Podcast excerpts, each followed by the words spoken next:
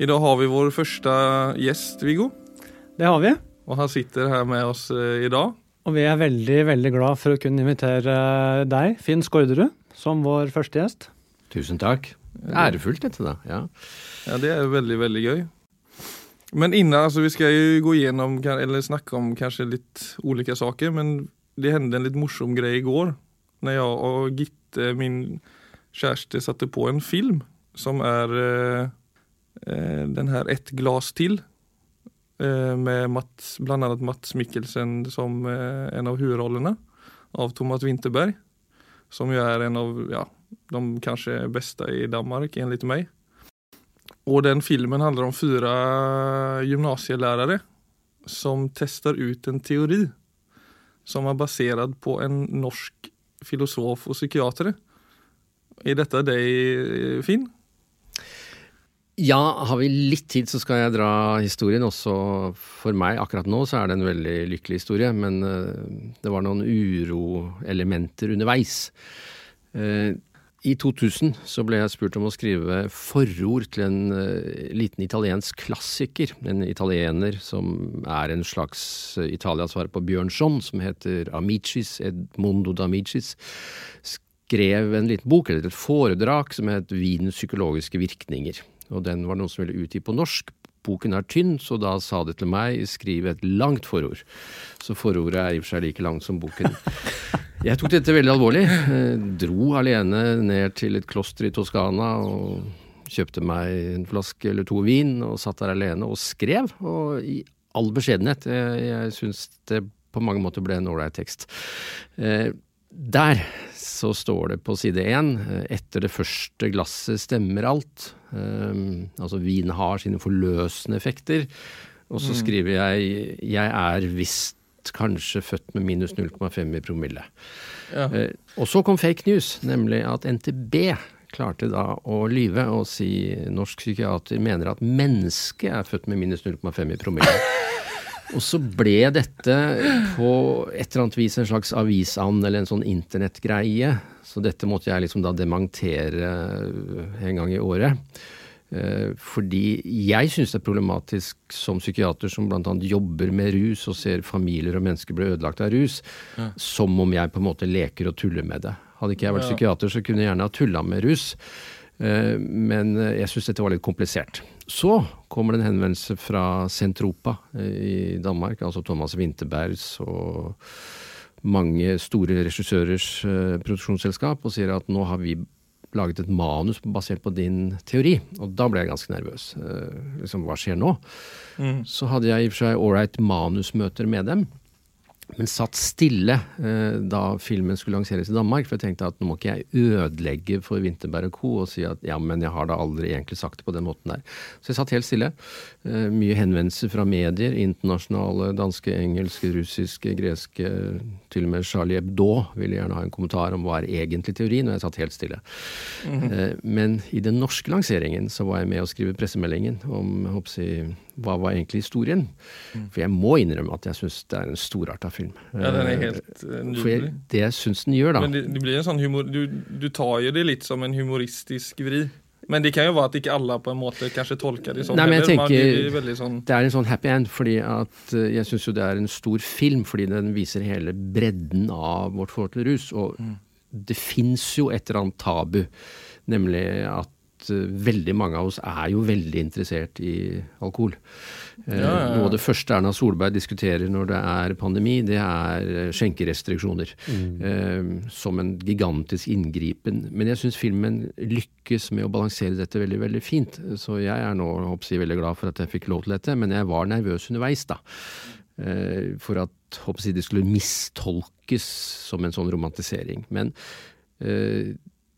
den sier jo noe om at vinen har en sosialt forløsende, eller alkoholen forløsende effekt på oss. Eh, den gjør noe med selvfølelse, men selvfølgelig så er det en film som sier at det er noe som heter passe. Blir det for mye, så blir det helt gærent. Og filmen viser også det. Mm. Mm. Ja. Det kunne vært interessant å gå videre på dette med uro og polkøer, men uh, siden vi bare har uh, en times tid, uh, kunne jeg spurt deg, Finn Hva er det som fikk deg inn i psykologien i utgangspunktet? Nei, det er på en måte et svar jeg har en veldig sånn, sånn eksplisitt Eller spørsmålet har et veldig eksplisitt svar på. Fordi da må vi liksom gått tilbake. Jeg begynner jo å bli en gammel mann. Eh, og som har vært med på noe veldig sånn tradisjonelt og viktig i Norge, nemlig den store norske klassereisen, hvor vi var en hel generasjon som plutselig fikk lov til å få utdannelse. Jeg er enebarn fra Innlandet. Eh, jeg tenker at mine foreldre var smarte, men de fikk aldri noe utdannelse. Eh, jeg gjorde det bra på skolen. Min far drømte nok om at skulle han blitt noe, så skulle han ha blitt lege. Jeg følte ikke at noe press på at jeg skulle bli lege. Jeg syntes nesten det var en slags selvfølge. Det må jeg bli. Og så fleip jeg litt alvorlig med at min mor trengte lege. Eh, jeg vokste opp med en mor som eh, hadde psykiske problemer fra før jeg ble født. Hun hadde psykiske problemer så lenge jeg kjente henne, som var i 50 år. Eh, så på en måte så fikk jeg en sånn interesse for sinn, bokstavelig talt på godt og ondt, kan man si. fordi jeg skjønte jo som lite barn at jeg er smartere enn henne, i betydning å besinne seg og sørge for at liksom nå skal ting være bra. Jeg fikk mye forståelse for livet innover. Angst, depresjon, drama, især i høytider. Og så hadde jeg en far som var hyperengasjert sosialt utad. Altså han satt i idrettsforeninger og fagforeninger, og han eh, bidro i lokalsamfunnet. Så på en måte så fikk jeg både utover og innover eh, hjemmefra. Eh, og jeg bestemte meg på gymnaset for å bli psykiater. Så det har jeg liksom hatt med meg. Jeg lurte aldri på om jeg skulle bli kirurg. Eller... Ja, det var ingen andre alternativ? Du var veldig tydelig? Nei, jeg tenkte at her er det noe viktig. Eh, her er det også noe spennende. Psykiatri er og var et rart fag. Det er liksom alt fra lobotemi og til å ødelegge mennesker til å redde mennesker. Eh, og veldig følsomt for samfunn. Eh, sosiale ulikheter er kanskje det som forklarer mest av depresjon på kloden, f.eks. Så på en måte så er det et fag som har alt, og så er det et risikabelt fag, tenker jeg. Eh, vi får betydning for mennesker som har ekstrem smerte.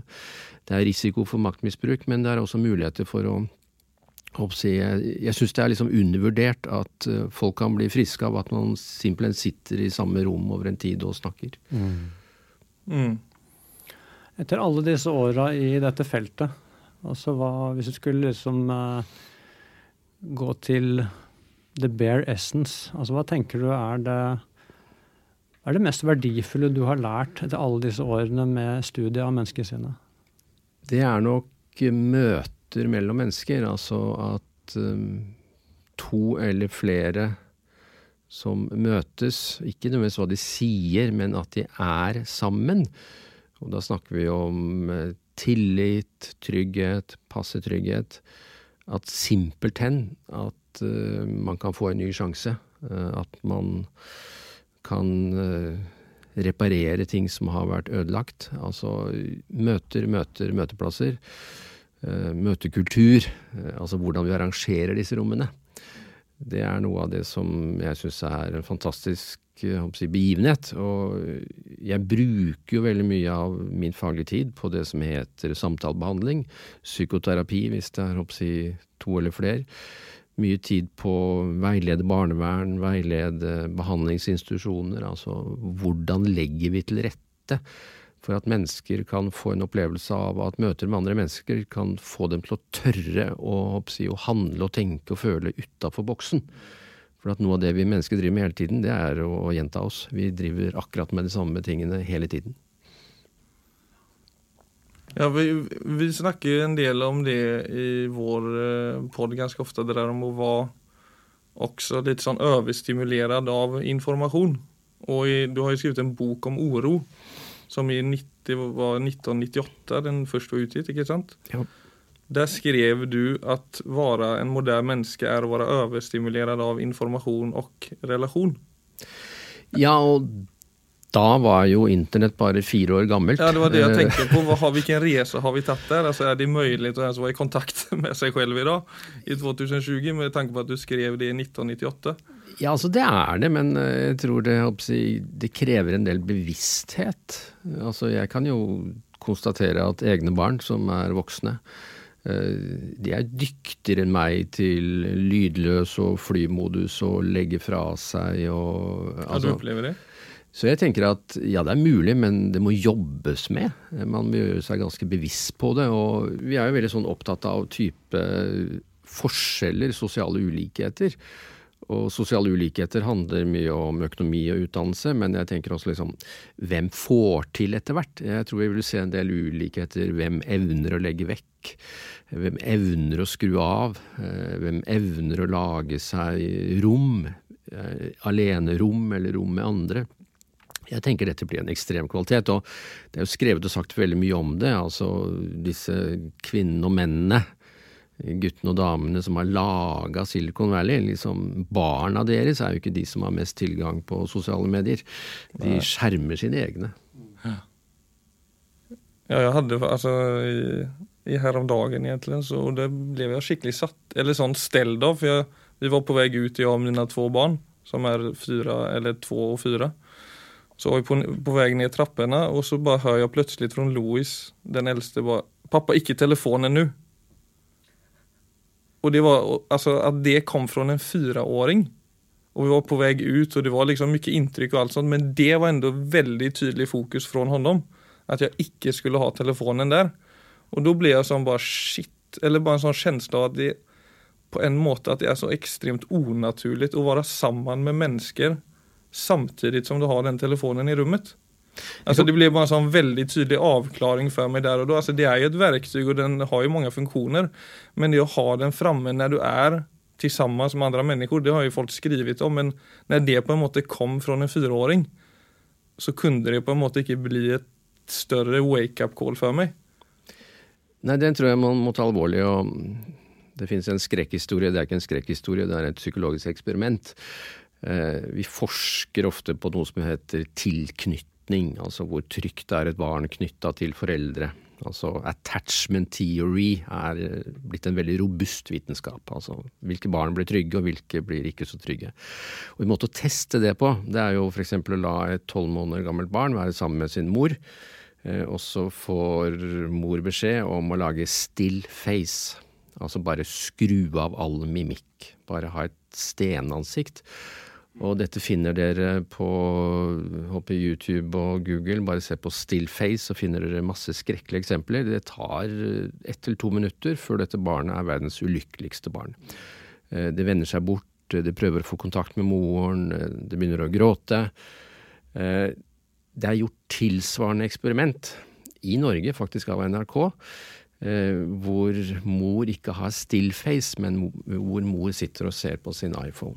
Eh, Og det er sier litt om kontakt, brudd med kontakt, eh, og håper jeg, hvor risikable ting vi sånn sett driver med, da, med at vi ikke er til stede når vi skal være til stede. Så jeg kan ikke være i altså Apropos det relasjonelle. Det bryter jo inn i det relasjonelle. Så, så er det klart, eh, jeg har fått masse tilbakemeldinger fra altså foreldre da, som har gått på kurs i mindfulness. Etter at de har fått et mer bevisst forhold til bare sin egen tilstedeværelse. Altså Både overfor selv, men selvfølgelig også i det relasjonelle, så sier de barna er de som uttrykker dette aller klarest. Det er utrolig følsomme for brudd av tilstedeværelse, og selvfølgelig for at det er presence i en samtale. Mm. Ja, de tre, altså, ja, det er jo en, man, altså, så er det jo på en måte med de meste i livet, tenker jeg, at alt trenger en viss dos med konsentrasjon for å utvikle seg.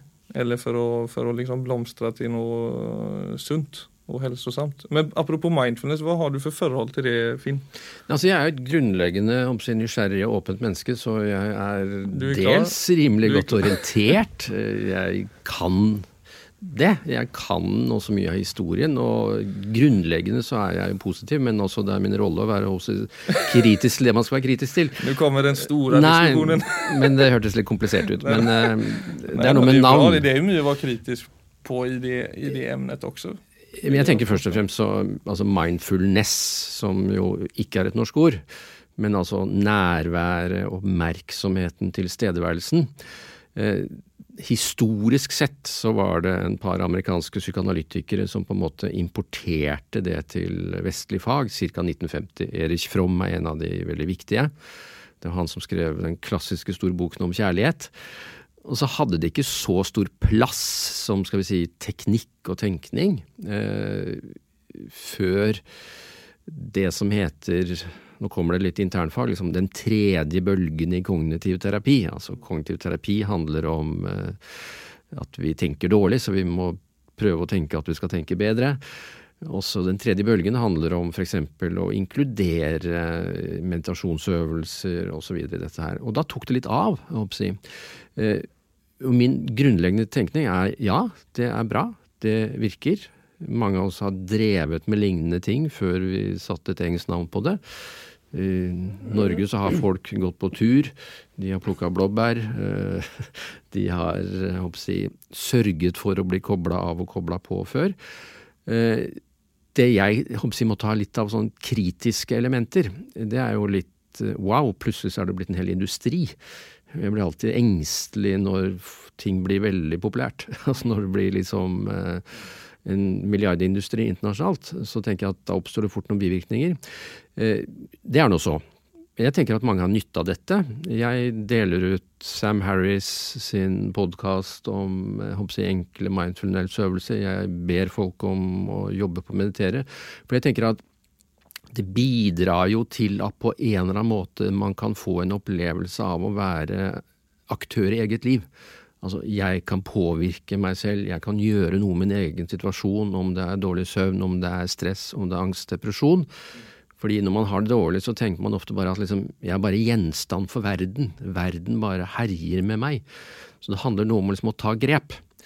Eh, I et større kulturelt perspektiv eh, så er jeg også litt opptatt av eh, ikke bare gå innover, men også gå utover. Altså være interessert i andre.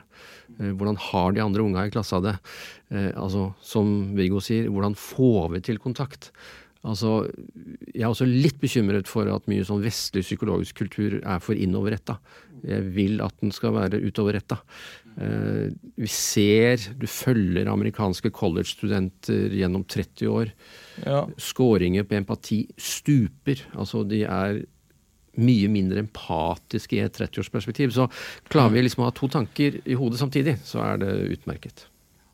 Ja, Mye av den selvhjelpstradisjonen altså det har jeg opplevd i min nærhet òg. Den har jo ofte den har iblant gått på en måte så langt at det har blitt så kraftig fokus på seg selv at man at det, har virket mot sin hensikt, egentlig. At man har fokusert så mye på seg selv at man har tappet kontakt med seg selv. Ja, altså vi er jo blitt uh, nesten narsissister alle sammen. Altså egentlig i uh, For at det er jo den vestlige kulturen så er det Vi har jo mista all kontakt med uh, egentlig den klassiske mytologien vår. Som jo alltid handler om å egentlig transcendere seg selv. Eller i hvert fall transcendere sin, sin egen nærsynthet. Så jeg tror når man tar, Og det tror jeg er kanskje et av de største problemene med altså med mindfulness også, som har blitt importert fra en visdomskultur inn i en kultur altså Hvor selvrealisering betyr jo en realisering av ditt dypeste, innerste potensial, ikke minst for eh, ubetinget kjærlighet. Og så kommer de inn i en vestlig kultur hvor selvrealisering betyr egentlig en realisering av meg som individ. Og der er det masse som ikke er løst opp ennå altså i, i vår kultur rundt dette. For at det feltet har forsvunnet på en måte fra kulturen vår, faktisk. Altså dette med å være forankret i en dypere mening enn eh, mitt eget narrativ. Ja, nå snakker du til meg, eh, fordi jeg er også litt sånn engstelig for at eh, det blir dette litt sånn løsrevne prosjektet. Altså, dere spurte meg noe om hva jeg er mest opptatt av, og jeg, jeg er opptatt av at endring går via andre. Eh, det er liksom Når mitt kontor fungerer på sitt beste, så er det at endring går via en annen. Altså, det fins ingen selvrealisering som ikke går via en annen person. Og den, den selvrealiseringen via en annen person, den heter vel ofte respons, anerkjennelse, gjenklang, øyekontakt. Det er sånne ting som jeg blir veldig opptatt av. og Hvis vi tar det vekk fra kontoret og ut i livet, så heter også denne responsen den heter kjærlighet. Mm.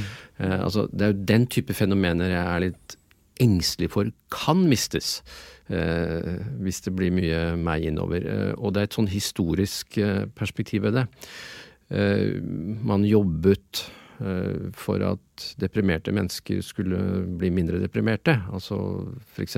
amerikanske psykoanalytikere jobbet med dette. Så finnes det en veldig viktig sentral skikkelse som heter Maslow, som i og for seg alle har hørt om. Han med behovspyramiden. Liksom nederst er det mat og klær. Norsk ungdom vil nok si at nederst så er det også gratis internett akkurat nå. Eh, og så er det trygghet, kontroll, og øverst så er det på en måte selvrealisering. Maslow skrev mye mer enn det. Han skrev også noe om at uh, hvis vi kan hjelpe deprimerte mennesker til å bli mindre deprimerte, hvorfor skal vi ikke hjelpe mennesker som har det bra til å få det enda bedre? Og der oppstår det på en måte en slags litt personlig ting for meg. Det er ikke jeg så opptatt av. Jeg er mer opptatt av at uh, jeg er psykiater som skal hjelpe folk som har det veldig dårlig og er syke. Jeg er mer opptatt av den biten enn den neste etappen. Det trenger det ikke meg til, for å si det sånn. Og jeg tenker at Der er noen bivirkninger hvis man blir liksom opptatt av mindfulness for eh, å stige karrieren. Jo da, men det er ikke det jeg er så opptatt av. Men tenker du ikke det sånn som vel fungerende, eller, altså, fungerende mennesker i dagens samfunn da, som er veldig eh, For det er jo på en måte konkludert til en viss grad at det er en ganske sterk avhengighet til telefon. Tenker du ikke da at, Og til skjerm og til liksom, ja, det du selv sa, altså informasjon og relasjon, som du skrev for lang tid, men som er enda mer aktuelt i dag at det er veldig godt for oss å ändå ha med, hvis vi ser bort fra For det er veldig mye som blir en industri, som, blir, eller som starter med å være noe veldig sunt og bra. Og så ser folk muligheter, og så, som, som, du sier, så blir det bivirkninger og kan bli litt negative innriktninger også.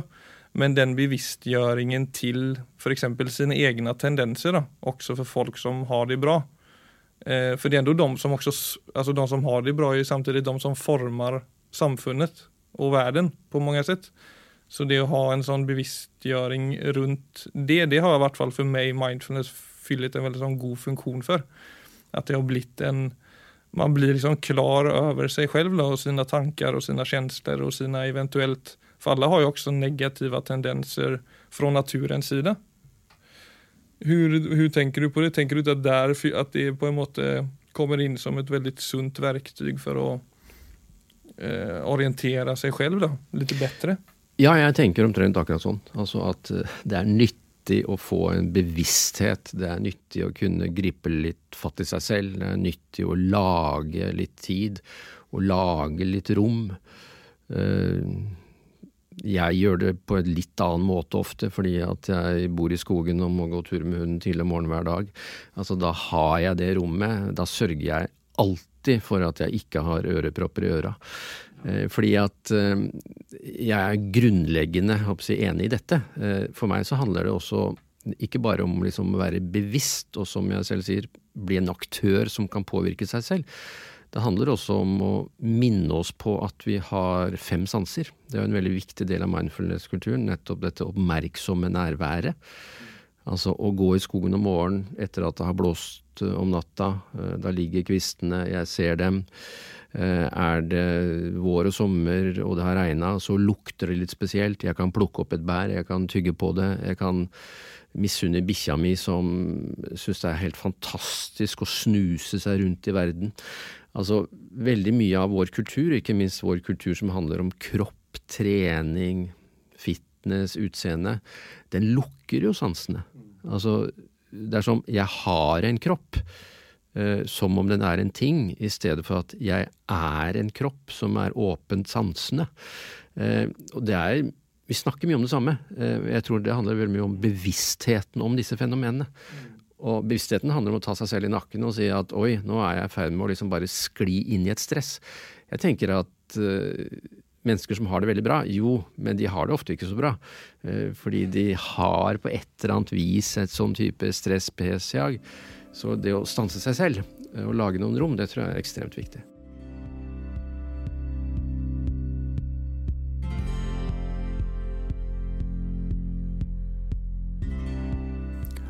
Altså, man må jo også gå da til dette hva er det egentlig å ha det bra? Altså, sånn, jeg vet ikke jeg hva Maslow mente om å gå fra bra til bedre, men jeg ville tenke at det måtte jo være at jeg forløser altså kapasiteten min for kjærlighet. At det på en måte blir da det skrittet i så At den selvrealiseringen, det går innover på den måten, da, det er å gå utover. Det er jo det man klassisk sett ville sagt i altså i hvert fall den østlige mindfulnessen. Ja. Men den er jo forankret i et menneskesyn hvor eh, det er noe som heter spirit. Sånn at det i det Altså som kropp så er det avstand. Som syke så er det avstand. Men fra hjerte til hjerte så er det ingen avstand. Ja, og med sånn eh, litt sånn rampete lyst til å si, lyde litt pompøs, så merker jeg at jeg liksom helt bevisst, eh, når jeg skriver og snakker av og til, så så har jeg begynt å si sjel istedenfor sinn. eh, og jeg gjør det med et slags overlegg, selv om jeg tenker at noen syns at jeg er pompøs. Altså, Sigmund Freud kalte seg sjelelege. Hvis jeg sier at jeg er sjelelege, så tenker jeg at nå har han blitt Da er en sjelevenn. Ja, da tenker at nå har han blitt gæren. ikke sant? Men det er et viktig fenomen her. fordi eh, jeg er et veldig sånn rasjonelt menneske. Altså jeg har veldig sans for det rasjonelle, jeg har sans for vitenskap. Eh, jeg kommer fra en ateistisk innlandstradisjon uh, osv. Uh, men det er klart at da vi begynte å snakke om sinn istedenfor sjel, så er det et slags vitenskapelig verdensbilde. Og en veldig viktig del av den vitenskapen er den tradisjonen som heter medisin. Men det er veldig viktig å huske på at medisin som fag og vitenskap, den kan ikke svare på mange av de viktigste spørsmålene i våre liv den kan ikke svare på meningen med livet. Eh, det er egentlig ikke en vitenskap som er god til å snakke om relasjoner og kjærlighet. Så klart at idet vi begynner å bli veldig opptatt av sinn, så har vi også mista noe. Altså det er noe større enn jeg, sinn. Og hvis vi gjør det enda fattigere, så snakker vi bare om hjerne. Eh, og jeg tenker at vi bør også liksom minne om at det er noe mer enn hjerne og sinn, hvis vi skal snakke om det å være mentale vesener. Mm. Så her er du på et av favorittemaene mine, så nå, dette, dette sto på blokka mi. Så rasjonell sånn, som, så som jeg fungerer. Jeg vil jo si at jeg i høyeste grad også er rasjonell. Hvis, på, hvis vi går til, siden vi snakker om dette feltet nå, hvis vi går til uh, Bare ta et kjapt sånn idéhistorisk blikk på dette så, så ble jo psykologien den altså det måtte jo bli vitenskapelig for å bli respektert som, eh, som, fag og som en vitenskap. Og den eneste vitenskapen som finnes, er naturvitenskapen, og den forsker jo på fysiske fenomener. Og der får man jo et kjempeproblem når man da snakker om uh, altså private experience. For at det er ikke intersubjektivt tilgjengelig. Så egentlig alt det som alt det som skjer i meg av privat karakter, det måtte jo på en eller annen måte bli sjalta bort og redusert til fysiske størrelser. Eh, og det er egentlig helt greit. Det har kommet utrolig mye flott ut av det. Men da den Altså, det jeg savner egentlig, Hvis man virkelig skal være vitenskapelig, så må man jo være undrende overfor dette fenomenet bevissthet, som vi faktisk ikke vet hva er. Og kunne si da, istedenfor å si Nei, Det er mer eller mindre bevist at bevissthet er et produkt av elektriske signaler i hjernen, for det er det faktisk ikke. Eh, William James han eh, snakket jo om dette på sin tid, og sa egentlig det er tre muligheter her. Det ene er at eh, hjernen produserer bevissthet. Den andre muligheten er at, at den egentlig er som en, altså en prisme. Så at det, at det kommer lys igjennom, og gjennom når det lyset kommer, så kommer hele fargespillet. Så den er bare et medium. Og den tredje muligheten sånn, det var omtrent som en sånn, eh, altså en crossbow, en armbrøst, hvor det bare er at det gjerne gjør, er å ta bort da den knappen, sånn at pilen kommer ut. Og Hvis du ser på det vitenskapelige, så er det de tre mulighetene er fortsatt Altså alle dataene vi har, kan forklares i lys av de tre. Så undringen rundt er det et produkt, eller må vi ta skritt tilbake og se her er det noe som ikke vi har tilgang på, så kunne i hvert fall undringen kommet fram. Og så kunne vi da sett er det andre, er det andre måter å ha en vitenskapelig tilnærming til dette feltet på. Og det vil jo jeg si, Finn, men jeg er jo på en måte oppdratt i den, uh, altså i den østlige tradisjonen. Og jeg må jo si, når jeg ser på altså den buddhistiske tilnærmingen til bevissthet, så er det jo tross alt 2500 år med empiriske studier. Men hvor det er nødt Altså, den forskningen har jo vært førsteperson. Men det har jo allikevel blitt en Du kan ikke si at det ikke er en vitenskapelig tilnærming. Ikke, det, du, kan ikke sette det, du kan ikke sette det på en skjerm. Du kan definitivt vitenskapeliggjøre et sånt studium. Og det vil jeg tenke er Jeg skal ikke si hva som er hva, men at det er et interessant studium. Uten tvil. Og, og, bare det å sjalte det bort for å si nei, det er, det er Den døren er på en måte lukket. Det syns jeg er uvitenskapelig. Ja, hvis jeg skal øh, si, ytre noen øh, bekymringer, så er det jo nettopp at vi blir veldig opptatt av det jeg ville kalle konkret tenkning for tiden. Altså, nå våkner alle vi tre eh, hver morgen til noen tall. Altså det er så og så mange smittet, og så og så mange på respirator, og så og så mange på sykehus. De glemmer ofte å si konteksten for disse tallene. Altså tilfeldigvis så har mange flere testa seg for de skal på vinterferie. Altså, eh, jeg jobber en del med spiseforstyrrelser. Ja, tallet på vekten bestemmer om jeg har det bra i dag. Ehm, altså den konkrete tenkningen, eh, om det være seg retningslinjer for vurdering av selvmord eller såkalt evidens Altså evidens er viktig, altså. Men jeg syns jo nettopp at vi blir veldig konkretistiske, for å bruke et litt fremmedord, som er jo voldsom i opposisjon til det du beskriver. Og jeg tenker at liksom eh, vi flykter inn i noe veldig konkret og noe veldig manifest, og vi flykter inn i si, guidelines og sjekklister. Akkurat der tenker jeg at der mister vi igjen eh, samspill, mennesker møtes Altså, jeg blir veldig opptatt av det som ikke lar seg telle. Eh, og det som ikke lar seg sette ned i en retningslinje. Altså, jeg blir veldig opptatt av mellomrommene. Jeg synes jo Vi kan snakke om hva som skjer inni oss, men jeg blir veldig interessert i hva som skjer mellom oss mellom mennesker. Oss, ja. ja. for du har jo en veldig sterk åre inn i altså det som er det kan vi kalle det eksistensiell psykoterapi eller psykologi? Ja, er som jeg sier, da.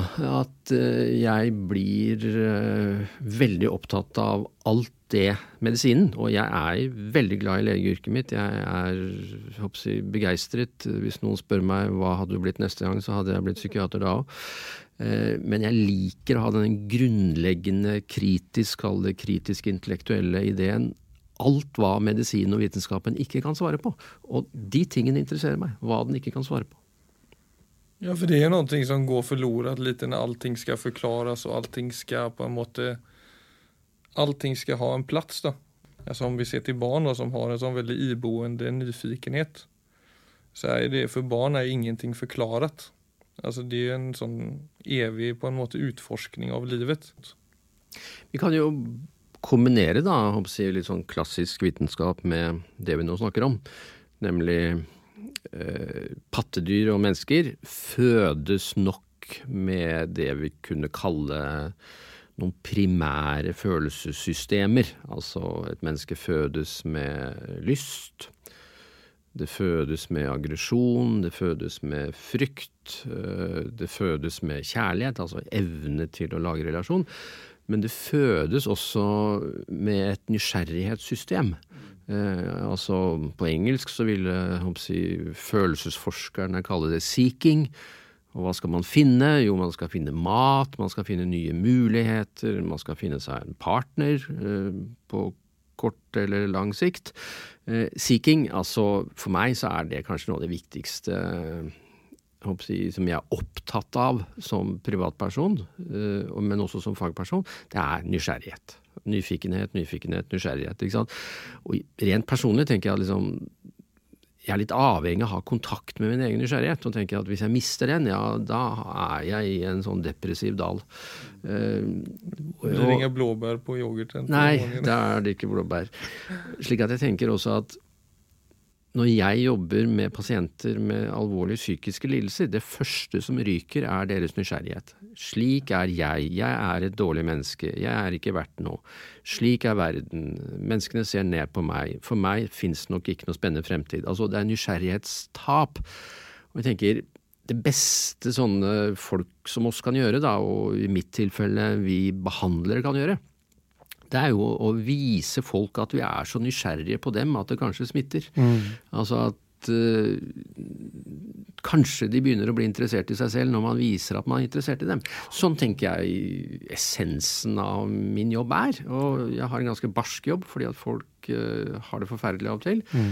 Men det er jo veldig meningsfylt, da. Å prøve å smitte folk med nysgjerrighet. Veldig. Det må være det mest Ja. meningsfulle.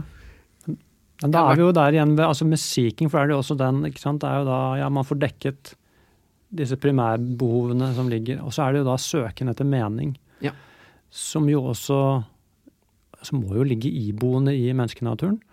Og den dimensjonen kan jo ikke, altså der kan ikke egentlig vitenskapen hjelpe oss.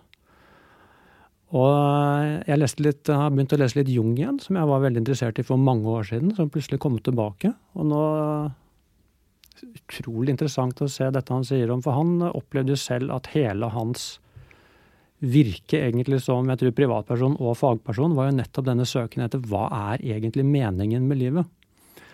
Og han øh, mente det at hvis du Altså hvis ikke du hadde en myte, så hadde du egentlig tapt meningen.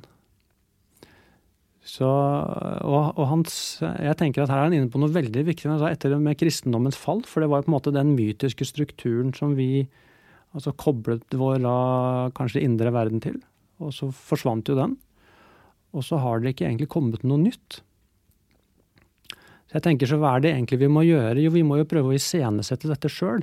Men det blir jo alltid da altså den, så I verste fall så blir jo myten i livet mitt blir jo det som er laget av uh, egentlig kapitalismen. Altså det, det, kommer nesten inn i forbrukersamfunnet.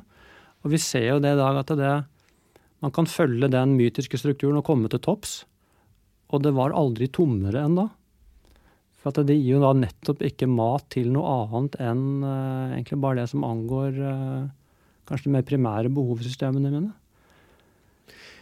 Jeg føler det jo Dette er ikke noen kritikk av fenomenet, men jeg interesserte meg selvfølgelig for Jordan Peterson. Ja. Da han fremsto som jeg, en slags ny, populær leverandør av myter ja. for tre-fire år siden. Ikke minst for unge menn. Og jeg tror han sto for noe veldig viktig, nemlig et slags faderlig prinsipp. Altså mange villfarne sønner eh, hørte på en skikkelse som sa noe om naturlig autoritet, f.eks. Jeg syntes dette var kjempeinteressant, men jeg tenkte parallelt.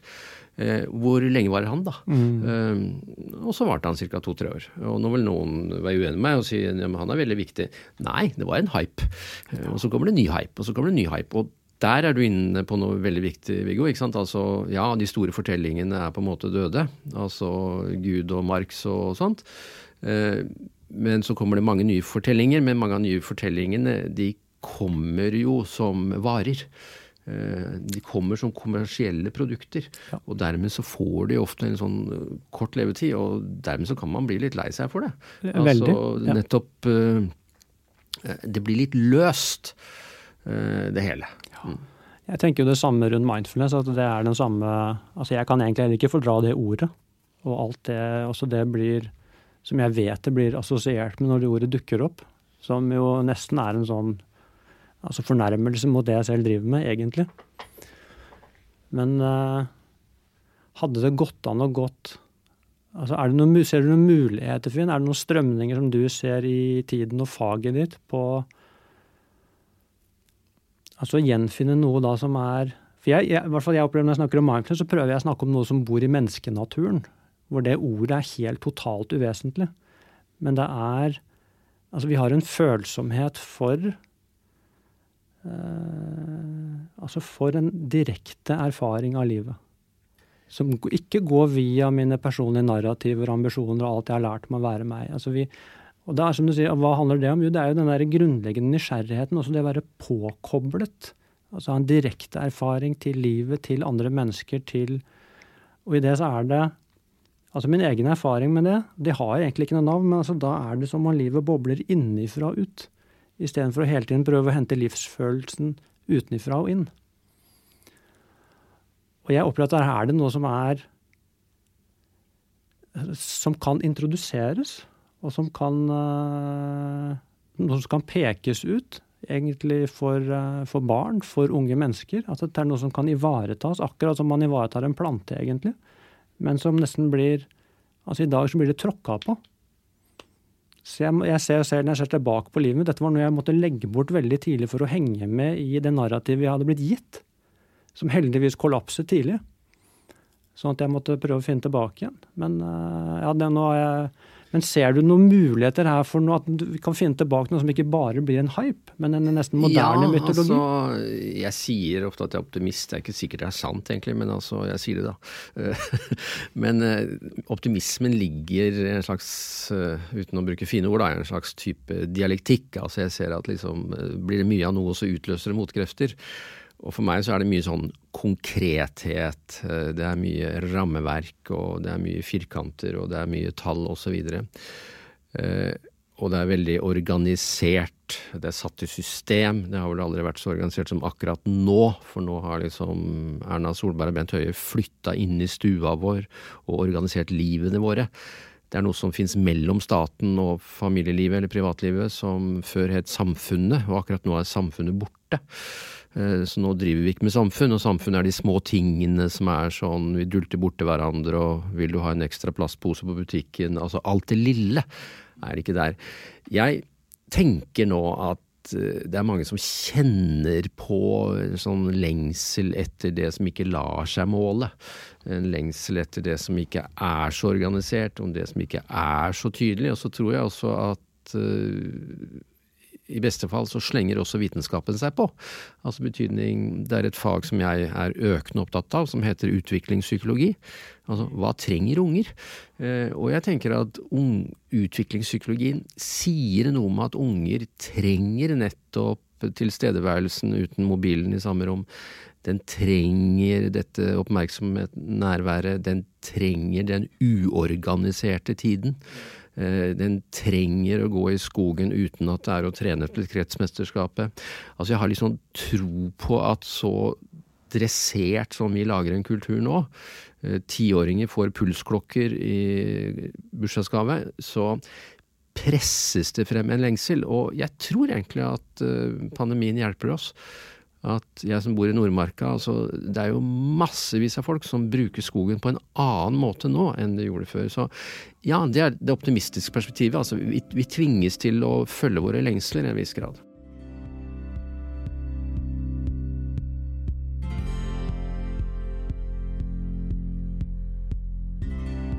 Jeg tenker på det når du snakker om det å få liksom gaver av foreldre som på en måte eh, viser en riktning inn i å prestere i tidlig alder, så er det jo noe med det at vi veldig altså Samfunnet er jo bygd opp på å liksom bidra, på å prestere og på å liksom få en rolle, og du får en rolle, og da speiler det din verdi.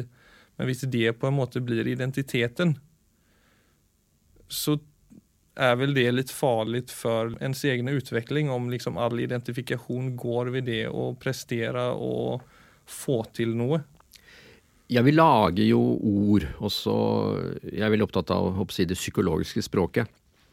Fordi at et språk som opprinnelig er bra, eh, så er det ikke så bra lenger. Plutselig fordi det går inflasjon i det. Prestasjonssamfunn er egentlig et veldig viktig ord, men nå sier vi det uten egentlig hva vi mener om det. Ja, et prestasjonssamfunn er et veldig farlig samfunn. Eh, fordi det blir ofte ganske strømlinjet. Eh, jeg satt nylig i en samtale med venner av meg om en sønn som ikke har det så bra. Eh, hadde han levd for 30 år siden, så hadde han funnet utveier. Han hadde funnet handelsflåten, han hadde fått seg en gratis utdannelse i Forsvaret. Nå kommer han ikke inn i Forsvaret. Eh, så prestasjonssamfunnet er også at vi har nok et normativt trangere samfunn, og dermed så er det flere som faller av. Eh, så dette må vi nok hele tiden liksom reflektere over. Liksom, blir vi for ensretta? Er det for høyt tempo? Er det for smale spor? Istedenfor handelsflåten eller gratis utdannelse i Forsvaret, så blir de tilbudt en diagnose. Som fort har noe med det i seg, ADHD og ADD, altså det er noe med at de ikke klarer å konsentrere seg. Det er liksom det negative bildet. Eh, det gode bildet, eh, det er jo f.eks. at at hvis man forsker antropologisk på foreldre og barn, og hvis du går liksom tilbake til skikkelig gamle samfunn, eh, da var fedre sammen med barna sine og jakte og lekte. Eh, nå er vi i ferd med å skape en liten foreldre fedregenerasjon. Eh, Stå i telefonen i ja, men Nå ser jeg bort på på deg og regner med at du er også en litt sånn moderne far som bruker veldig mye av tida til å drive og leke med unga. Eh, Min far lekte ikke med meg, min bestefar lekte ikke med bestefar. Plutselig så ser vi sånn Vi ser en farsgenerasjon som også driver med veldig mye spennende, fine ting. De er tilbake der hvor urfaren var. Eh, Altså De sitter på gulvet og driver med såkalt unyttige ting, og det er nok veldig nyttig. Så det tenkte jeg- på i går, for vi satt faktisk hemma, Altså jeg og Gitte og Gittes mor, vi satt ned på rumpa på golvet och barnen lekte runt oss. Och då la vi alla märke till plötsligt att plötsligt så var barnen i full harmoni. Att vi satt, alltså vi gjorde inget särskilt, alltså vi var ju liksom lite engagerade men det var barnen som lekte men bara det faktumet att vi satt på rumpa på golvet i deras nivå. Istället för att en satt på köksbordet och två stod och fixade med maten som vi gjorde fem minuter tidigare och det var full kaos. Men bara det lilla greppet av att vara på deras nivå och vara tillgänglig men ikke nødvendigvis ekstremt aktiv, gjorde at begge de to bare fant en direkte sånn måte å, å leke på. og sånn veld, Veldig aktiv, men veldig behagelig, liksom. Ja, så jeg liker på en måte å være Som psykiater så er det forventet at jeg har litt greie på diagnostikk, men jeg syns også det er veldig interessant å være opptatt av samtidsdiagnostikk. Altså hva slags tid lever vi, og da er det lett å komme med en rekke kritiske fenomener. Altså det går for fort, og mange faller av i moderniseringens karusell. Men jeg liker også å se etter liksom positive trender, da. Altså, jeg er ganske imponert av mange unge fedre. For eksempel, så jeg syns det er spennende å se liksom, ja, hvor er det noe bra i dette her, da. Og jeg syns jo det er Men mødrene, det gikk noe Jo da, jeg har veldig sans for mødre. Eh, Men det er en sånn kombinasjon der, for jeg opplever også at Jeg er helt enig med det du sier, men jeg opplever også at vår generasjon er veldig sånn sårbare. Og det tror jeg beror litt på den selvrealiseringen. At vi har et overdrivet fokus på oss selv og vår vei i livet. Så der blir det på en måte litt den der bristen på oppmerksomhet og det å gi. Men at når vi vel, men vi har ändå som du sier den ideen med oss og vi har, all den, vi har alla forutsetninger for å være på den måten du sier da, Finn. Men det er en sånn, jeg føler at det er litt sånn av og på-greier, for, for at vi heller ikke helt klarer av å slippe oss selv og, og våre egne prestasjoner. Som jo, altså jeg trenger jo prestere, men det er jo som et eksempel når jeg var i trapphuset der og tittet på telefonen, det var jo jobbrelatert og noe som handlet om meg, som jeg faktisk kunne vente med en halvtime. Men den telefonen for eksempel, da, den muliggjør jo hele tiden det å være på og ha det fokuset på seg selv i jobbsammanhang for eksempel. Så det er jo Det er en sånn tvåsidig vei der da, som man parerer litt på. Ja, skal jeg forsøke å lage en link mellom noe av det vi har snakket om nå? Eh, nå får jeg prestasjonsangst med en gang, men altså Med noe med mindful og barn og telefoner og osv. Eh, jeg er en dilettant som jeg, leser filosofer og sosiologer, og har kommet over en spennende tysk eh, tenker, en sosiolog som heter Hartmut Rosa. Han er ti år yngre enn meg. Jeg er halvtysk, så det Ja, han eh, skrev noen tykke bøker som het Akselerasjon, altså samfunnet går fortere og fortere. fortere. Eh, nå har han skrevet en tynn liten bok eh, som handler om eh, veldig mye av det vi driver med, det er å optimalisere oss selv. Altså bedriften skal eh, tjene mer penger, vi skal bli mer effektive, norske staten skal drives bedre. Helse Sør-Øst skal holde mer orden på tingene sine og kontroll, kontrollrapporter. Og i privatlivene selvoptimalisering. Jeg skal bli en bedre versjon av meg selv. Så sier han at uh, i dette her så ligger det en idé om at vi kan kontrollere verden. Så sier han men det kan vi jo ikke. Uh, og dermed så går mange på en smell. Eh, eksempel så er det en del mennesker nå som strever med type spiseforstyrrelser, unge mennesker under en korona, fordi kanskje de tror at de kan kontrollere gjennom å kontrollere maten. Så han blir veldig opptatt av at vi driver den ideen om kontroll så langt at det er hinsides hva som er kontrollerbart. Og hva oppstår da? Jo, ulykke og aggresjon, sier han. Vi blir jo jævlig forbanna for dette her. Så jeg tror kanskje liksom noe av utfordringen nå er å se f.eks. unge mødre, da, som jeg jobber mye med for tiden. F.eks. så blir de utsatt for noe som heter gravid, svangerskap. Og mange får det dårlig da, fordi de trodde de kunne kontrollere det, men de kan ikke kontrollere jeg, et svangerskap, for da plutselig så vokser ting, og så får du hormoner Altså selvfølgelig kan du kontrollere det, eh, men det er noe av det mest ukontrollerbare som finnes i en ung kvinnes liv. Og er, mange av dem blir dødsfrustrerte, og så kommer det noe som heter barsel, og så skjer det masse rart som de ikke kan kontrollere. Så jeg tenker sånn, i et mindfulness-perspektiv eller et psykologisk perspektiv, altså jeg mener det å akseptere at vi ikke kan kontrollere så mye som vi tror vi kan kontrollere, det blir en veldig sånn kollektiv psykologisk utfordring. Altså ja, jeg må tåle at jeg ikke har kontroll. Ja. Det er kanskje derfor stoisismen har fått en renessanse igjen? Derfor sto, har stoisismen renessanse, og jeg tror jeg var en slags innlandsstoiker lenge før jeg leste om stoikerne. Mm. Altså nettopp at jeg tror det har litt med meg som min private mentale bagasje.